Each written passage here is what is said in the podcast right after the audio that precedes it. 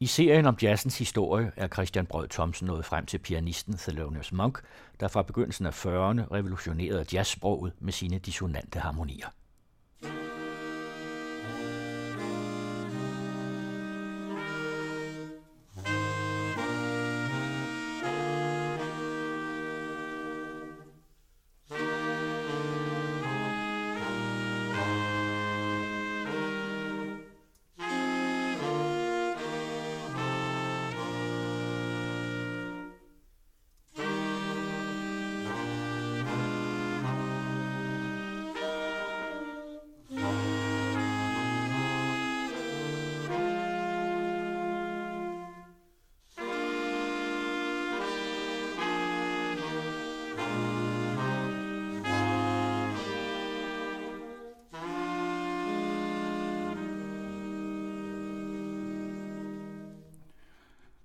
Mange undrede sig, da jazzens mest avancerede pianist, Thelonious Monk, i 1957 indledte en plade med denne gamle salme, Abide With Me, præsenteret unisont, men uden soloer, til trods for at blæsergruppen tæller som markante solister som John Coltrane og Coleman Hawkins. På den måde signalerede Monk, at han har sine rødder i gospelmusikken. Han havde lært at spille hos organisten i en baptistkirke i New York, og sit første job fik han som 16-årig, da han turnerede med en prædikant og healer. Monk blev kendt i jazzkredse, da han i 1940 blev huspianist på Mentons Playhouse, hvor han var centrum for udviklingen af den nye jazz bebop. Den 23-årige trompetist Dizzy Gillespie fik afgørende inspiration hos Monk – og på Mintons hørte de to rygter om, at der nogle husblokke længere oppe af gaden i Monroes klub spillede en alt saxofonist, der var lige så god som Lester Young og dobbelt så hurtig. De besluttede at undersøge sagen nærmere og bevægede sig op til Monroe. Alt saxofonisten var den 21-årige Charlie Parker, som de tog med til Mintons, hvor de i første omgang sørgede for, at han fik noget ordentligt at spise, hvad han ikke havde fået i dagevis. Men ejeren havde desværre ikke råd til at ansætte Parker. Men Monk og Gillespie kunne ikke undvære ham, så de delte derfor deres sparsomme hyre med ham. Nu var beboppens inderkreds etableret, men på grund af en langvarig faglig konflikt mellem Musikerforbundet og pladebranchen blev disse afgørende år ikke dokumenteret på plade. Først i 1950 kom Monk og Parker i pladestudiet sammen, og der lød det sådan her.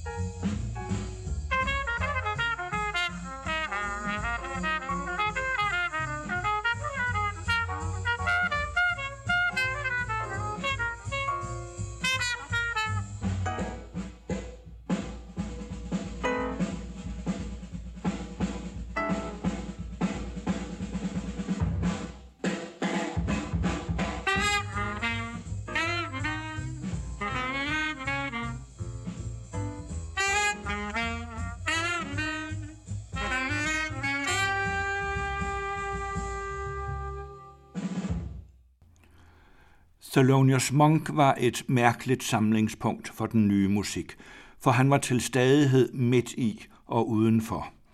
Og egentlig opfattede han ikke sig selv som bebop-musiker.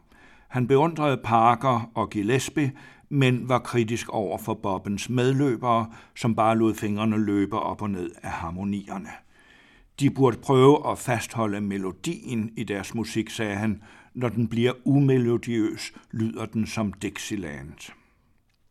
Det var ikke uden grund, at Thelonious Monks kone Nelly kærligt kaldte ham Melodious Thunk, som betyder den melodiøse pisk. Hvad der adskilte Monk fra bebop-musikerne var improvisationsmetoden. Hvor de improviserede over temaets harmonier, var Monks improvisationer ofte motiviske. Han vendte og drejede melodiske brudstykker fra temaet, nogle gange muntert som et barn, der leger med byggeklodser, andre gange monumentalt som en arkitekt, der udtænker en katedral. Og hvor bebop-musikerne ofte omskrev de smægtende døgnmelodier og brugte deres akkordfølge i nye, aggressive temaer, elskede Monk de populære melodier for, hvad de var. I Charlotte Tverins portrætfilm Straight No Chaser, som er den smukkeste jazzfilm, jeg kender, er der en herlig sekvens, hvor en journalist spørger Monk, hvilken musik han foretrækker. Monk svarer, som han plejer, al slags musik. Hvorpå journalisten vantro spørger, om det også gælder countrymusik, som dengang var dybt foragtet i jazzkredse. Så vender Monk sig opgivende mod sin producer og spørger, sig mig, har den mand problemer med at høre?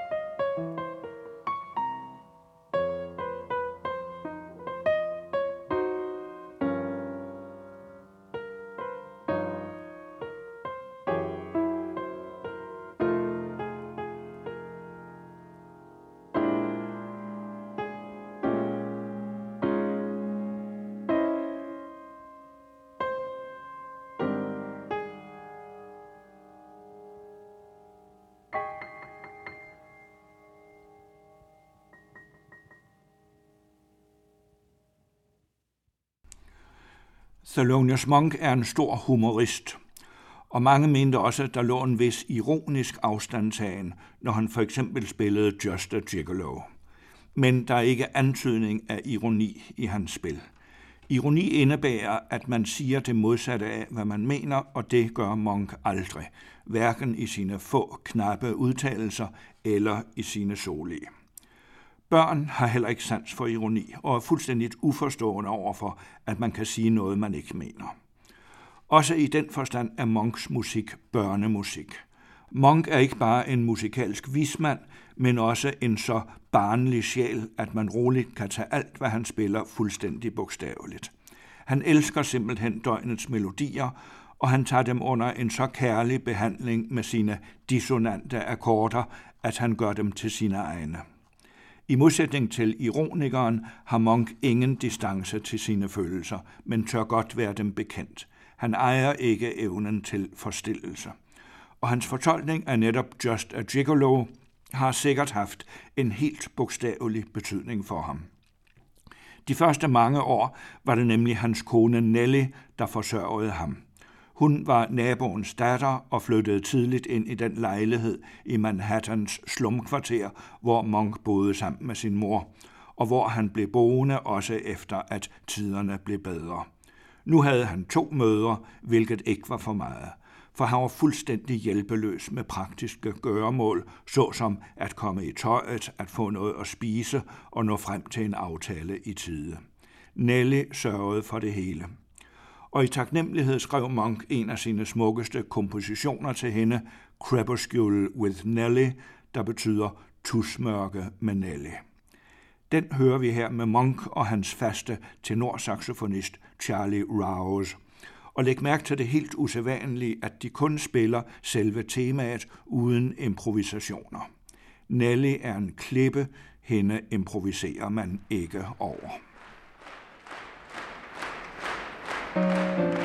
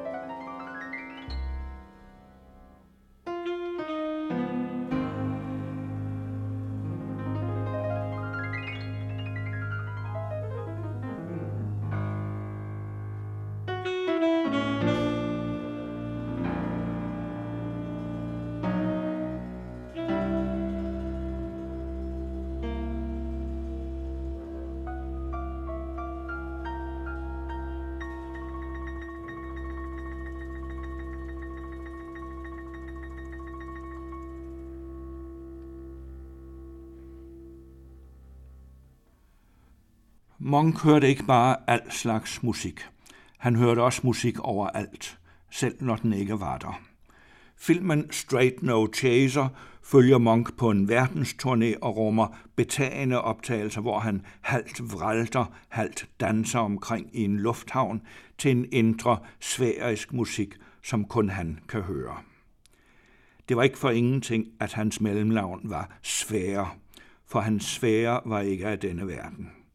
I Schweiz samlede han en kuffert fuld af tomme Coca-Cola-flasker, som han insisterede på at få med hjem og sælge til købmanden nede om hjørnet, sådan som han plejede. Men uden sans for, at hvad han skal betale i overvægt i lufthavnen langt overskrider den beskedne fortjeneste, han kunne få hos købmanden. Det kan man så more sig over, men til gengæld chokeres man, når Thelonious Monks søn mindes, hvordan han som barn glædede sig til, at hans far skulle komme hjem fra turné. Men når de så sad ved middagsbordet, stirrede faren lige lugt igennem sine egne børn og anede ikke, hvem de var. Alligevel var alt Monks musik jo i en vis forstand børnemusik. Da den kom frem, vagte den opstandelse og blev kaldt vanskelig og avanceret på grund af de dissonante akkorder. Men vanskelig avantgarde-musik kan sagtens være god børnemusik. Børn har endnu ikke fået deres ører spoleret af musikalske konventioner og kan med stor fornøjelse skråle med på Monks vildt sangbare temaer. Nogle gange må han for eksempel også have vidst, at han havde en søn. Little Rudy Tooty, som det næste nummer hedder, er opkaldt efter søndens kælenavn.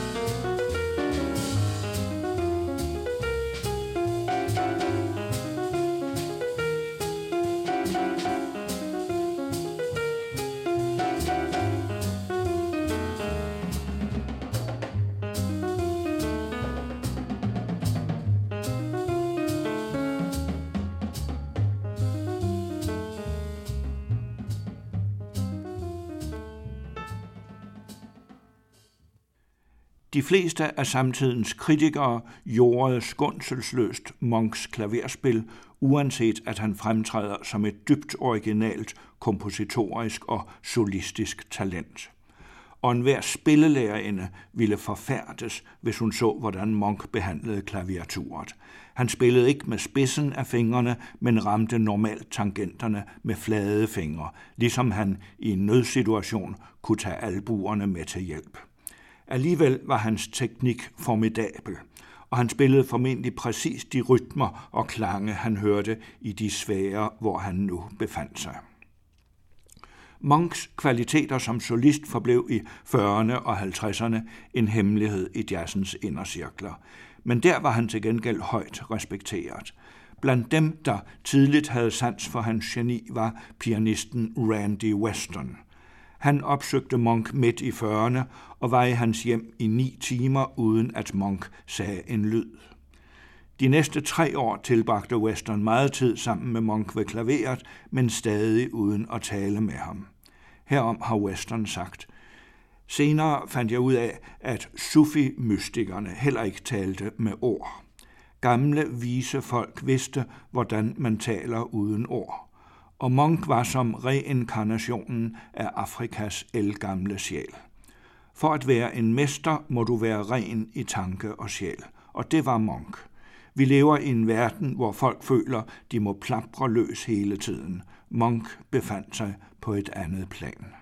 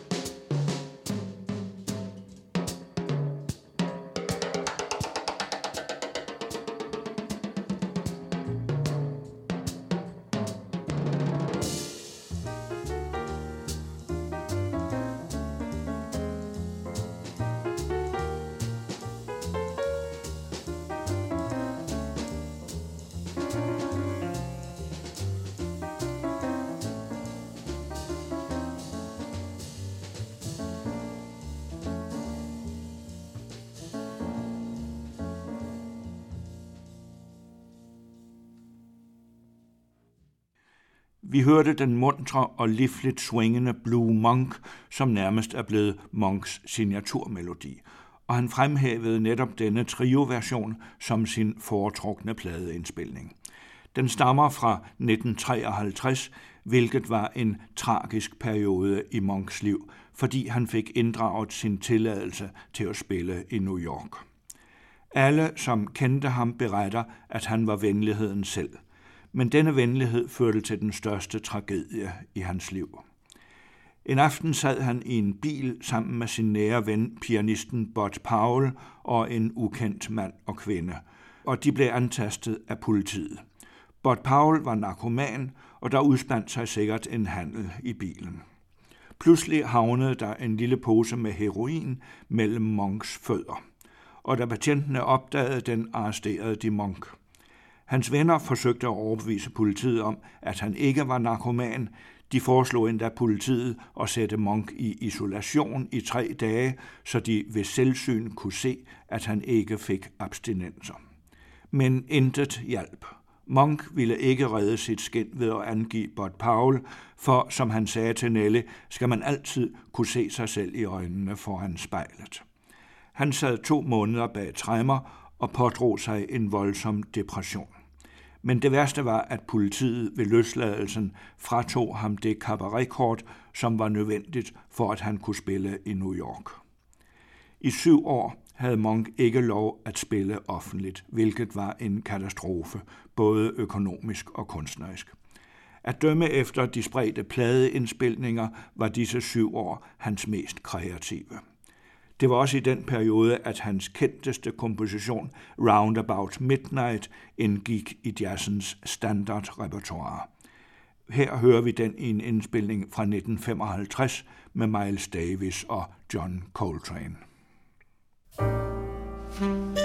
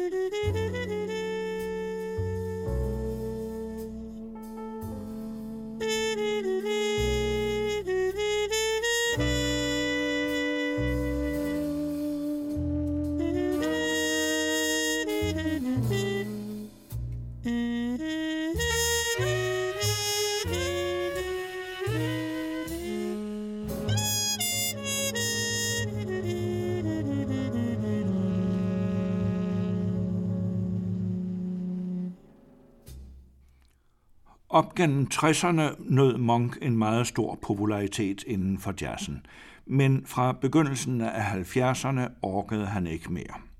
Han trak sig tilbage fra offentlig optræden og blev i første omgang indlagt på et psykiatrisk hospital, men uden at der blev stillet en diagnose. Monks begavelse var, hvad man med et mildt ord kunne kalde alternativ. Og hvis han skulle have en psykiatrisk diagnose, ville den nok omfatte både maniodepressive, paranoide og autistiske træk. Men hvorfor diagnostisere det geniale sind, som jo ifølge sin natur netop må rumme mere end det normale, herunder også træk, som det normale sind må klassificere som sygelige. Hvorfor ikke nøjes med at være taknemmelig over musikken, som måske netop er så udtømmelig, fordi den var Monks eneste kommunikationsmulighed? Det fortælles, at Monk på hospitalet igen og igen hørte sin egen komposition Ruby My Dear, i den version, han havde indspillet med tenorsaxofonisten Coleman Hawkins. Ruby My Dear var den første melodi, han havde skrevet – til den første pige, han havde elsket. Hun var en vestindisk pige, der blev sendt bort af sine forældre, fordi de ikke brød sig om, at hun omgikkes en ikke-vestinder. Nu blev sangen om hans første kæreste fortolket af jazzens første tenorsaxofonist, som desuden var den første musiker, Monk havde indspillet plader med.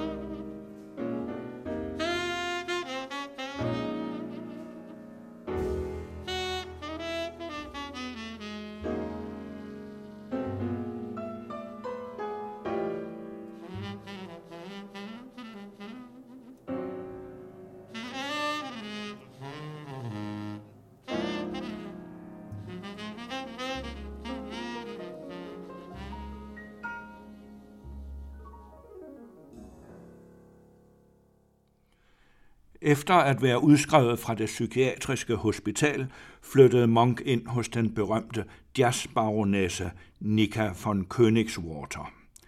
Det var på hendes sofa, at Charlie Parker var død af grin, mens han så en tv-udsendelse. Og Monk tilbragte nu sine sidste ti apatiske år i hendes lejlighed. Det skete i forståelse med hans kone Nelly, som jævnligt kom forbi og lavede mad til ham. I 1964 var Monk blevet coverfigur i tidsskriftet Time Magazine, en sjælden ære, der blandt jazzmusikere hidtil kun var overgået Louis Armstrong og Duke Ellington. I den anledning skrev Time om ham. Nelly og de få andre, der har kendt lidt til Monk, ser en stor indre logik i hans liv, som kaster værdighed over alt, hvad han siger og gør. Han lyver aldrig, han råber aldrig, han kender ikke til grådighed eller misundelse. Hans budskab, sådan som Nelly fortolker det over for deres børn, er ædelt og stærkt. Vær jer selv, siger hun til dem. Tag jer ikke af, hvad andre siger, for I er jer. I skal bare være jer selv. Hun fortæller dem også, at Monk ikke er noget særligt, men børnene har set ham sove med sin japanske kalot på hovedet og med et kålblad hængende på frakkeopslaget, så de ved bedre. Og hvis ikke Monk er noget særligt, hvem er så? Den 17. februar 1982 gik Thelonious Monks gamle makker til nordsaxofonisten Charlie Rouse i studiet for at indspille en plade med Luther Monk-kompositioner, i håb om på denne måde at kalde Monk tilbage til musikken. Pianisten Kenny Barron overtog Monks plads ved klaveret, og gruppen kaldte sig Sfære, som jo var Monks mellemnavn. Måske mærkede Monk svagt gennem sfærerne deres hensigt. Han reagerede i hvert fald ved at forlænge sin 10 år lange pause ind i evigheden. Samme dag de gik i studiet for at kalde ham tilbage til livet, døde han af en hjerneblødning.